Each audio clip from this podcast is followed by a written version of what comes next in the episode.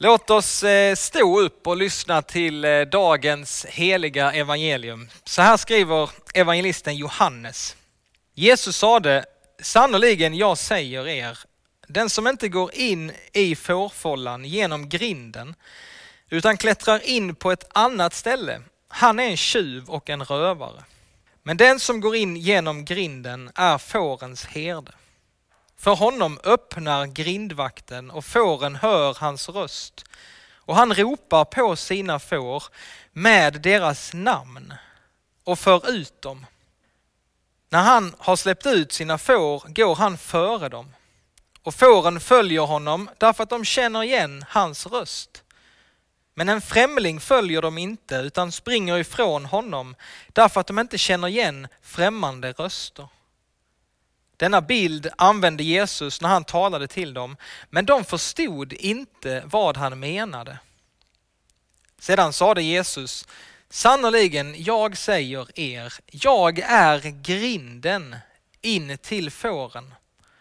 Alla som har kommit före mig är tjuvar och rövare, men fåren har inte lyssnat till dem. Jag är grinden. Den som går in genom mig skall bli räddad. Han ska gå in och han ska gå ut och han ska finna bete. Tjuven kommer bara för att stjäla, slakta och döda. Jag har kommit för att de ska ha liv och liv i överflöd. Så lyder det heliga evangeliet. Lovad vare du Kristus. Varsågoda och sitt. Vi befinner oss eh, ju fortfarande i eh, påsktiden och eh, vi fortsätter att fira detta att Kristus är uppstånden. Ja, han är sannerligen uppstånden. Det kan inte sägas för många gånger. Och det gör en sån skillnad i våra liv när vi får leva med uppståndelsen för våra ögon. När vi får leva i det och av den kärleken.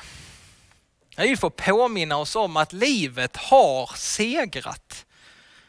Och allt mörker som du och jag kan få uppleva i den här världen, allt mörker det är omslutet av ett ljus ett underbart ljus. Så ditt mörker som du upplever, det är inte bottenlöst.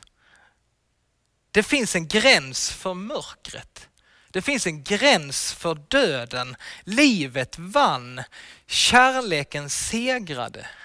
Och kärleken kommer också att segra i ditt liv.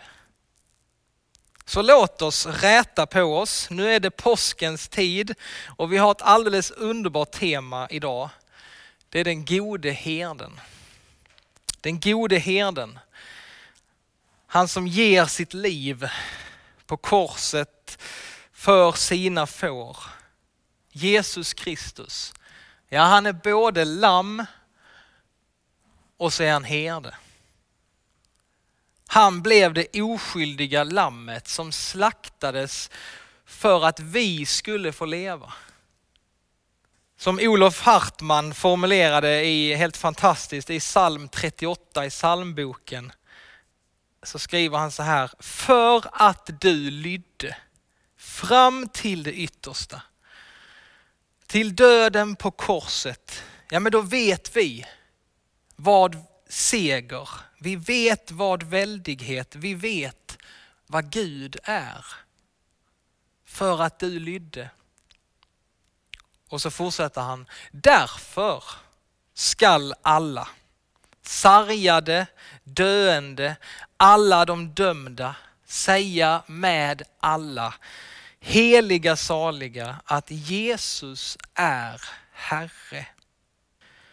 För att Jesus han gav sitt liv för oss. Därför säger vi idag att Jesus, du är Herre.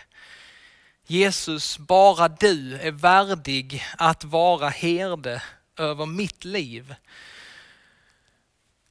Alltså tänk att få ha en herde över sitt liv som har gett sitt liv för mig.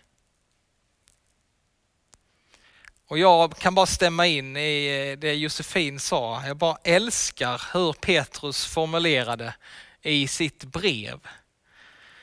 Från första Petrus brev. Han skriver, ni var som vilsegångna får, men nu har ni vänt tillbaka till era själars herde och vårdare. Era själars herde och vårdare. Jesus han vill vara din själs herde och vårdare.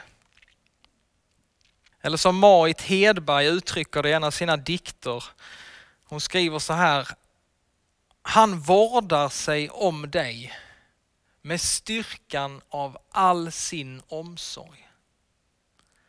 Han vårdar sig om dig med styrkan av all sin omsorg.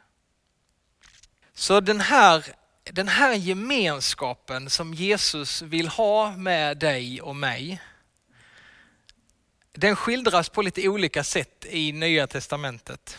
Det finns ett sådant rikt utbud av bilder som vill hjälpa oss att förstå vilken relation Jesus vill ha med dig och mig. Vid ett tillfälle så säger Jesus, jag är vinstocken. Jag är vinstocken och ni är grenarna. Om ni ska bära frukt så måste ni liksom höra ihop med mig. Ni måste vara förenade med mig, nära mig för att få liv, för att bära frukt. Paulus han använder en annan bild. Han skriver att Jesus, han är huvudet. Och så vi som är hans lemmar, hans kropp vi är kroppen, men Jesus är huvudet för kroppen. Och för en kropp så är det ju, det är ju så viktigt att vara i kontakt med huvudet om kroppen ska funka. Alltså om vi som kyrka inte har kontakt med huvudet, ja vad händer då? Jo, då är det så att kroppen går runt och så fattar vi huvudlösa beslut. För att vi har inget huvud på kroppen. Alltså kanske kan det förklara lite av den kris som pågår i kyrkan i Sverige idag.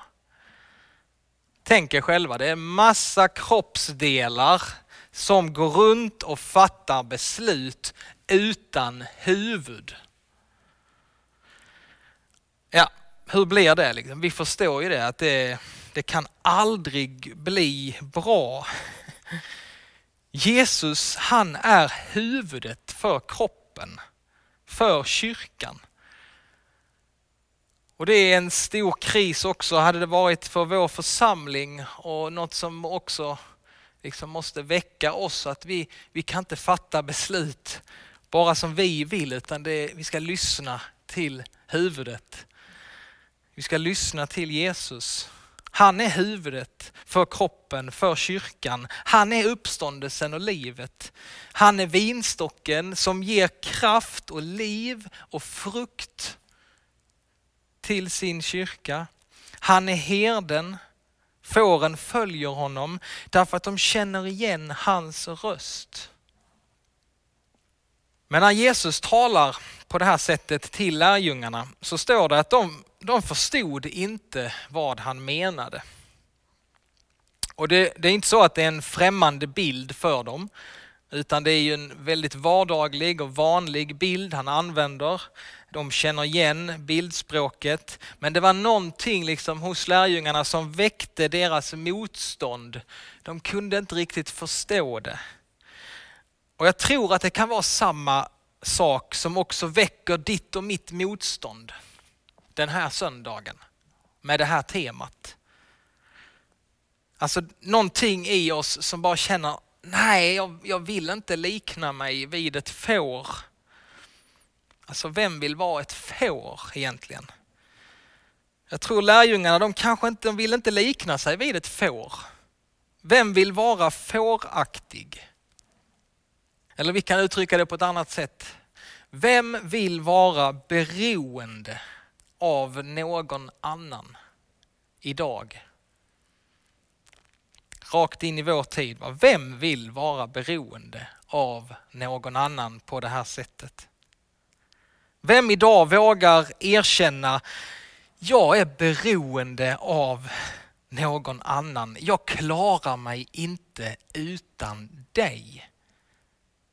Jag tror att vi sitter så ofta idag, vi sitter så ofta och vi är ofta så isolerade ifrån varandra. Och nu pratar jag faktiskt inte om en isolering som handlar om pandemin. Utan även innan pandemin så är vi isolerade från varandra för att vi vill inte vara beroende av andra. Vi vill ju vara fria. Och när vi liksom har tackat nej till all hjälp som erbjudits oss så sitter vi där liksom ensamma. Vi har en så stark längtan efter frihet och självförverkligande. Vi sätter det så högt att det gör att vi försakar liksom, våra relationer på bekostnad av det.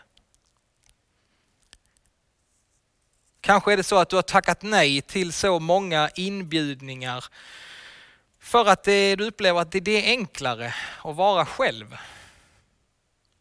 Det är bekvämare att vara själv. Jag har kontroll och jag vet vad som kommer att hända. Det är enkelt, det är bekvämt.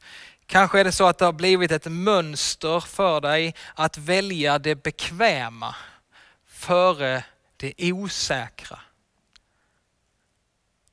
Men om du är som jag va, så märker du också att när du har gjort sådana här beslut, kanske några för många gånger, så märker du att det är inte det här Jesus talar om. När han säger, jag har kommit för att du ska ha liv och liv i överflöd. Idag så kallar Jesus dig och mig, han kallar dig till gemenskap. Oh, som vi längtar efter det. Va? Jesus kallar dig till ett liv i gemenskap med honom men också med andra. Det står till och med att Jesus när han kallar på fåren så gör han det med deras namn. Alltså detta är ingen allmän inbjudan. Detta är en personlig inbjudan till dig till gemenskap med honom, men också med andra får. Jesus han vill befria dig från att bara leva för dig själv. Han vill att du och jag vi ska, att vi ska hitta gemenskap med varandra, med andra kristna. Och jag tror att där finns livet. Som inte alltid är enkelt och bekvämt, men det är fullt av liv. Vi kan uttrycka det så här att Jesus han vill inte bara att ditt liv ska fyllas med år. Utan han vill att dina år ska fyllas av liv. Så dagens budskap på den här gode herdens söndag är att Jesus, han vill att du ska leva detta livet i beroende av honom. När han får vara din själs herde och vårdare, när han får vara huvudet, ja då vill han leva dig, leda dig in i ett rikt liv. Lyssna inte på främlingen som vill föra dig bort från Jesus, utan lyssna till rösten. Du känner igen rösten när han talar till dig, när han kallar på dig. Och han nämner dig vid namn, säger Daniel, Maria, Josefin, Håkan, Gabriel, Lennart. Han nämner dig vid namn och han säger Kom till mig, jag har kommit för att du ska få liv och liv i överflöd. Alltså smaka på de orden. Gå inte förbi de orden utan bär de här orden med dig i ditt inre under den här veckan som kommer. Ta med det här löftet in i dina böner. för veckan som kommer. Han har kommit för att du ska ha liv och liv i överflöd. Det här underbara löftet det kan du också få använda när du ber för någon annan. I din förbön för en person så kan du också få använda de här orden. Nämn den personen vid namn och sen säger du bara Herren säger till dig, jag har kommit för att du ska ha liv och liv i överflöd. Vi slutar den här predikan nu med att påminna oss om herdesalmen i Saltaren 23. Slå gärna upp den i din bibel idag och läs. I Psaltaren 23, där David skriver, då skriver David så här att när du Herre får vara min herde, när du får vara mitt huvud, ja då kommer ingenting att fattas mig. När Gud får leda, ja då får jag den vila som jag behöver. När Gud får leda, då får jag ny kraft. Hela min varelse upplivas och han leder mig på rätta vägar.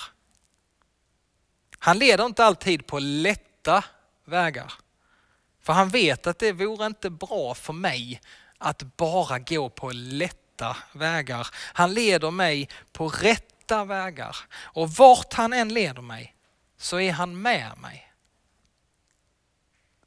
Hur än vägen ser ut så vill han fylla din och min bägare till bredden så att det flödar över. Alltså ditt liv ska fyllas av liv och liv i överflöd. Och när vi ser tillbaka på livet, när vi ser tillbaka på vår vandring med Herren så är det två saker som ständigt följer dig och mig. Det är Guds godhet och hans nåd. Han är den gode herden som leder oss på rätta vägar. Och nu tänkte jag läsa Psaltaren 23 från en annan översättning. Det är Eugene Peterson som har skrivit The Message och gör en fantastisk tolkning och översättning av Bibeln. Men han skriver så här, Psaltaren 23. Gud min herde. Jag behöver ingenting. För du har bäddat ner mig på gröna ängar. Du letar upp porlande bäckar som jag får dricka från. Du är trogen ditt ord. Där låter du, du låter mig hämta andan. Och så visar du mig den rätta vägen. Inte ens när den går genom dödsdalen, inte ens då blir jag rädd. Om du går med mig. Din trogna gamla herdestav ger mig trygghet. Du bjuder på en sexrätters middag framför näsan på fienden. Du får mig att räta på nacken. Min kropp är breddfull med välsignelse. Din skönhet och kärlek jagar mig varenda dag i livet. Och jag är hemma igen hos Gud så länge jag lever. Ära vare Fadern och Sonen och den helige Ande, nu och alltid och i evigheters evighet. Amen.